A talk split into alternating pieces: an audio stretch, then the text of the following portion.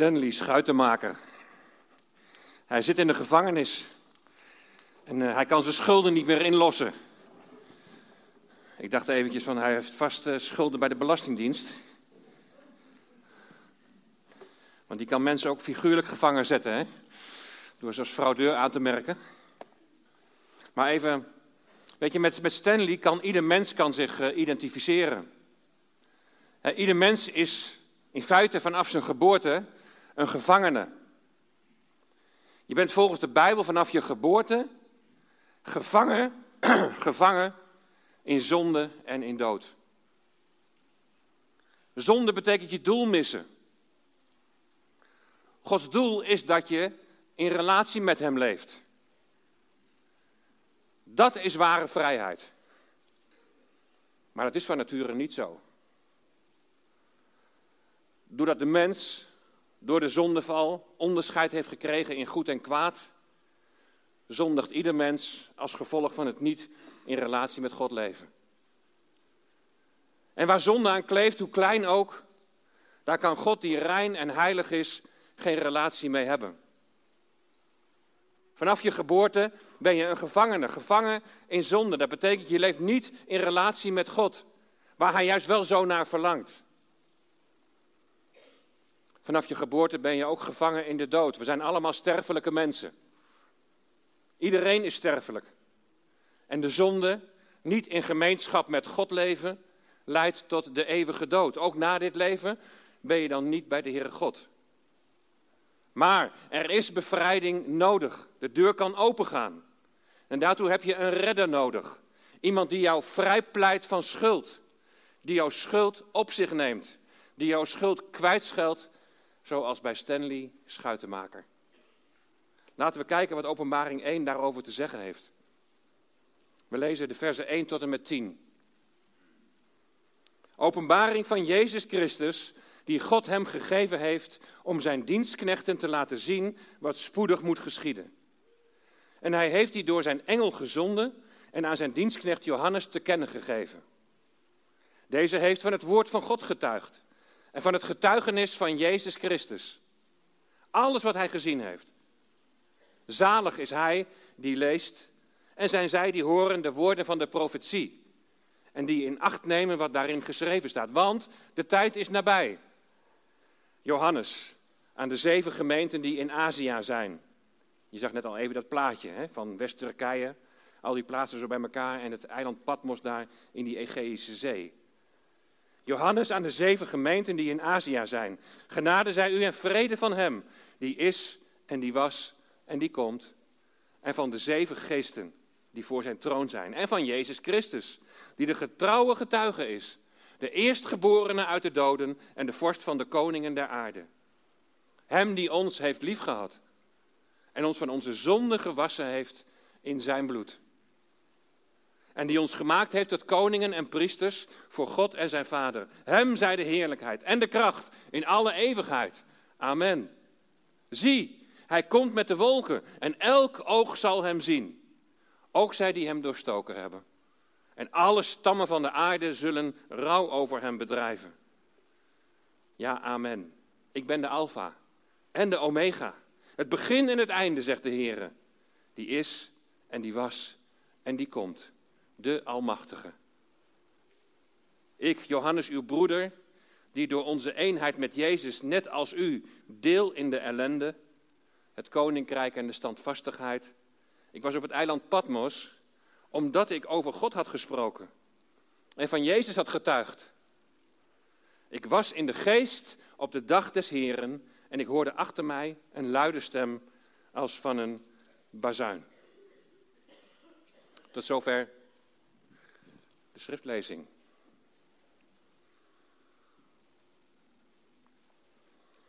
Probeer eens even in de huid te kruipen van de apostel Johannes. Een oude Joodse man, volgeling van Jezus Christus. Hij is in Efeze en hij wordt daar nauwlettend in de gaten gehouden. Wat zegt hij? Wat verkondigt hij? Wat doet hij? Hij verkondigt in ieder geval een andere koning dan de keizer van Rome. Door Jezus van Nazareth te verkondigen als de komende koning, ondermijnde hij Domitianus. Domitianus die als keizer een goddelijke status had. Dat kan niet zonder gevolgen blijven. En natuurlijk zwijgt Johannes niet over zijn Heer en Heiland. Hij sprak over God en hij getuigde van de Heer Jezus. Maar dat heeft consequenties. We weten niet precies wat Johannes ten laste is gelegd, maar ze voeren hem af naar het eiland Patmos. Een afgelegen eiland in de Egeïsche Zee tussen Griekenland en Turkije. En dit eiland van vulkanisch rotsgesteente, wat nu een toeristische trekpleister is, dat was een van de verbanningsoorden van de Romeinen. Deze plek, weg van de bewoonde wereld, was bestemd voor misdadigers en politieke gevangenen. Nou, Johannes zal wel als een politieke gevangene aangewezen zijn. Zou jij het zo ver laten komen? Of zou je misschien toch iets voorzichtiger zijn? Johannes, een man op leeftijd. Misschien dacht hij wel dat zijn rol uitgespeeld was. Maar aan deze oude wijze man, die door de wol geverfd is en bewezen heeft om betrouwbaar te zijn, aan hem wil God iets heel bijzonders gaan toevertrouwen. Hij heeft besloten om aan Johannes iets te openbaren. Openbaring, apocalypsis betekent God gaat iets onthullen wat nog verborgen is. Je moet je voorstellen dat er ergens een, een kunstwerk is neergezet met een groot doek eromheen. Je kunt nog niet zien wat het is. Het moet nog worden onthuld. Wij hebben een God die verborgenheden onthult. Die openbaart, die laat zien wat hij gaat doen. En daartoe is de Bijbel ook zo belangrijk voor ons. Het is de Heere God, het is God de Vader, die als eerste aan zijn Zoon, aan de Heer Jezus Christus, zijn openbaring doorgeeft. En Jezus zendt dan een engel naar de apostel Johannes en die engel verwijdert het doek voor hem. En die onthulling betekent dat Johannes in de geest wordt meegenomen en dan alles ziet en hoort wat wij nu in het boek Openbaring kunnen lezen. Het moet toch overweldigend zijn geweest voor Johannes. Johannes op zijn oude dag. Johannes wordt de verheerlijkte Heer Jezus getoond. En hij valt als dood voor zijn voeten neer. Hij krijgt een blik in de hemel. Hij wordt weggevoerd naar de troon van God. Hij ziet het lam als geslacht. Maar het is ook heel confronterend als hij te zien krijgt welke oordelen nog over deze aarde gaan komen. Maar het eindigt geweldig mooi met de komst van de Heer Jezus en uiteindelijk een volkomen herstel van de schepping. Je leek afgeschreven als oude man. Ver weg van de bewoonde wereld. En dan komt de Heer Jezus via de engel in zijn genade naar jou toe. God deelt zijn plan met Johannes. En hij deelt dit nu indirect via Johannes en via dit woord ook met jou en mij. En we mogen dankbaar zijn dat Johannes heeft opgeschreven wat hij van God gehoord en gezien heeft. En wat Jezus Christus hem bekend heeft gemaakt. Nu is natuurlijk de vraag of wij begrijpen wat aan Johannes is geopenbaard. En daartoe moeten we een paar vragen even beantwoorden. Wat lezen we nou eigenlijk precies in openbaring? Ten tweede, aan wie wordt geschreven en met welk doel? En ten derde, over welke periode gaat het eigenlijk in dit Bijbelboek? Ten eerste, wat lezen we precies in de openbaring? Volgens vers 3 zijn het woorden van de profetie. Nou, wat denk je aan bij profetie? Dat Johannes van alles te zien krijgt wat op de toekomst betrekking heeft. Dat kan zowel betrekking hebben op de nabije toekomst als de verre toekomst. Dat is inderdaad profetie. Maar het dekt ook weer niet helemaal de lading. Misschien denk je ook wel, gaan we naar de serie van Daniel opnieuw alleen maar naar de toekomst kijken? Profetie is veel meer dan, dan alleen maar in de toekomst kijken. Voor de Jood was profetie vooral een oproep om terug te keren naar datgene wat vergeten was. Het was een waarschuwing om de belangrijke zaken niet te vergeten. Een soort van appel, een vermaning om op de weg van de Heer te blijven. Dat zie je ook heel sterk terug in hoofdstuk 2 en 3, Als die zeven gemeenten worden aangesproken op dingen die ze vergeten zijn. Bijvoorbeeld die gemeente in Efeze. Jullie zijn de eerste liefde vergeten. Jullie doen daarnaast heel veel dingen goed, maar dat ontbreekt. We gaan onszelf de komende weken spiegelen aan die gemeente. Wat zijn de lessen nu voor ons vandaag? Het boek Openbaring is dus voor de eerste lezers in de tijd van Johannes een waarschuwing om op de weg van de Heer te blijven. Een weg waar wij ook zomaar van kunnen afdwalen. En tegelijkertijd is het natuurlijk ook een boek ter bemoediging. De eerste lezers hadden net als Johannes hadden ze met zware vervolging te maken. Maar hier lezen ze dat ze aan de kant staan van het lam dat heeft overwonnen. En dat er uiteindelijk herstel zal komen. Dat er geen ziekte, geen dood en geen verdriet meer zal zijn. Dat de tranen zullen worden afgewist. Aan wie is dit boek geschreven en met welk doel? Daarvoor moeten we terug naar vers 1. De onthulling van wat nog verborgen is, is gericht aan dienstknechten van God. Dienstknechten van de Heer Jezus. Zijn dat profeten? Zijn dat de gelovigen in het algemeen? Is het een specifieke groep binnen de gelovigen? Dan laat ik nu even rusten, dat komt de volgende keer wel. Ik wil vooral even stilstaan bij het doel van deze openbaring. En wat lezen we dan? Om te laten zien wat spoedig moet geschieden. Spoedig? Kan het boek Openbaring dan wel over de verre toekomst gaan? We zijn nu al een kleine 2000 jaar verder. We hebben nog niet de oordelen gezien waarover wordt gesproken in het Bijbelboek Openbaring. We hebben de antichrist nog niet gezien. De wederkomst van de Heer Jezus heeft nog niet plaatsgevonden. Het Messiaanse Rijk is nog niet aangebroken. En dan staat er dat Jezus Christus zijn dienstknechten laat zien wat spoedig moet geschieden. Zie je nou wel dat die Bijbel niet klopt? Zie je nou wel dat je toekomstvisie aan alle kanten rammelt? Dat zou zomaar een reactie kunnen zijn hè, van ongelovigen of van mensen die een andere visie aandragen. Er is een hele eenvoudige verklaring. En dat heeft te maken met de vertaling van het woordje spoedig. In het Grieks staat er tagos, wat we kennen van tagometer. Je kunt het op twee manieren vertalen. Ten eerste, spoedig, iets moet binnenkort gebeuren. Maar de tweede vertaalmogelijkheid is, wat moet gebeuren, dat zal in een korte tijd plaatsvinden. Dus alles wat in openbaring beschreven staat, zal kort achter elkaar plaatsvinden, heel spoedig. Dan hebben we nog één puzzelstukje, en dat is vraag 3. Over welke periode gaat het in het boek Openbaring? Anders weten we nog niet wat er nou spoedig achter elkaar moet plaatsvinden. Zou moeten we naar vers 10. In vers 10 daar lees je dan dat Johannes in de geest op de dag des Heren uh, zo opgenomen wordt als het ware. En dan hoort hij een luide stem als van een bazuin. Op zondag, de dag des Heren, hoort Johannes een luide stem als van een bazuin. Of niet? Als je in de kanttekeningen van de Statenvertaling kijkt, dan zie je inderdaad de uitleg dat het hier om de zondag zou gaan. Maar nergens in de Bijbel wordt over de zondag of de eerste dag van de week gesproken als over de dag des Heren. De dag des Heren is een uitdrukking die wel heel bekend is en die kennen we vanuit het Oude Testament, die kennen we vanuit de Tenach. Voor dag staat in het Hebreeuws Yom, van Yom Kippur, maar dat is niet per se alleen maar één dag, dat kan ook een periode zijn. De dag des Heren zie ik als een periode van Gods ingrijpen in deze wereld, voorafgaande aan de wederkomst van de Heer Jezus. Meerdere profeten in het Oude Testament spreken over de dag des Heren.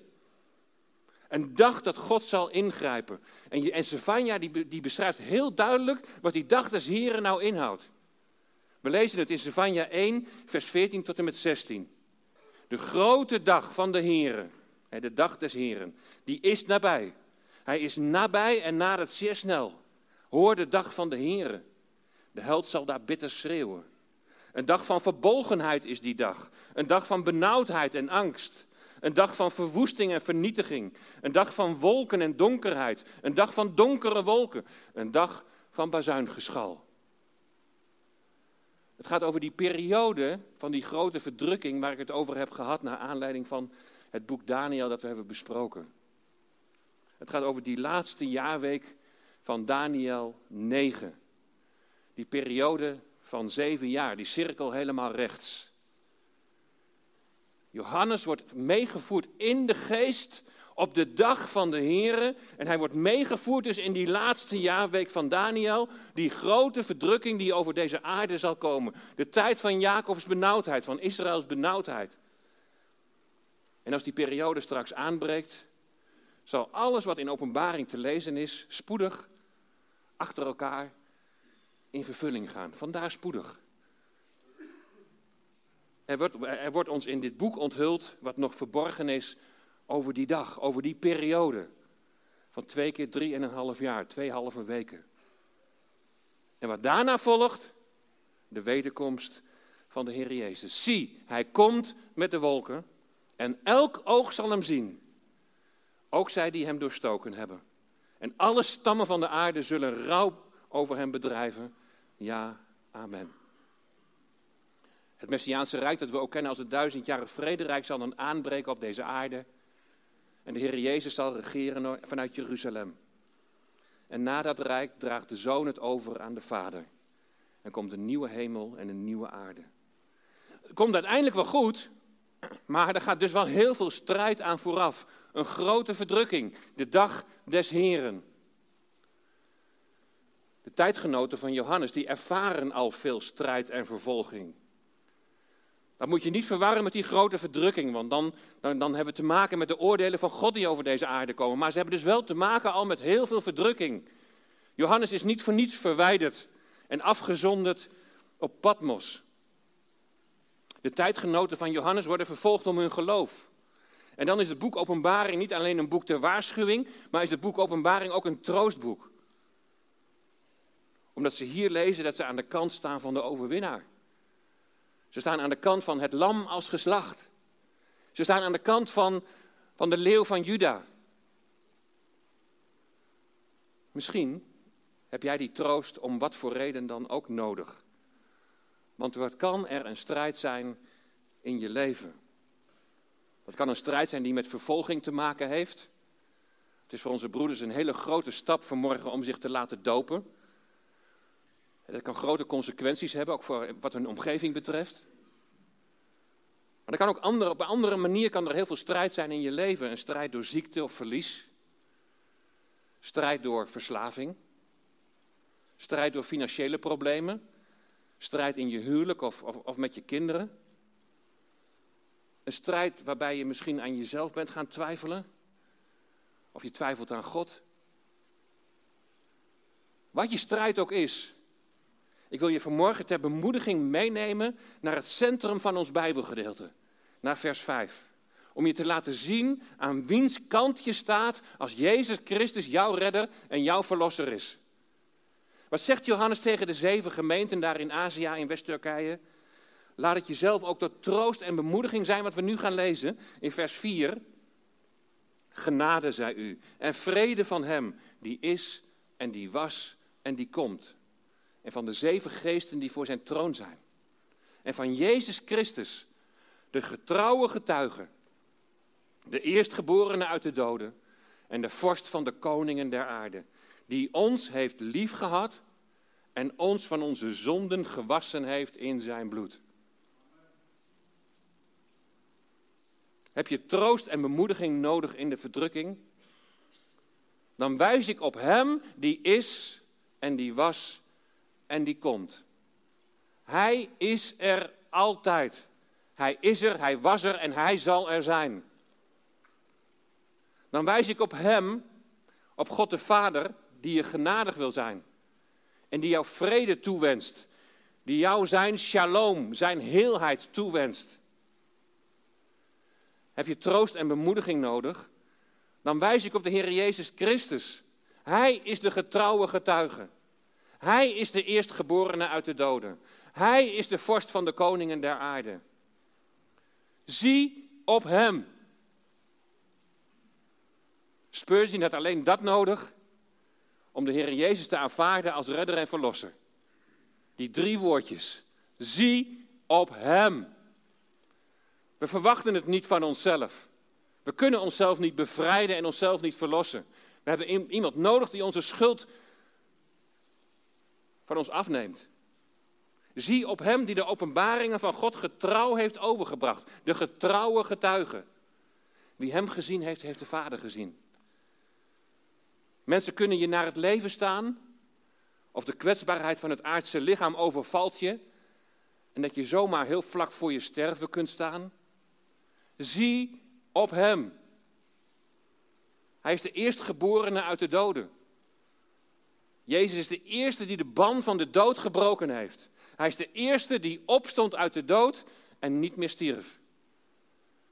En jullie, jullie laten zo meteen in het watergraf zien dat je met Christus gestorven en begraven bent.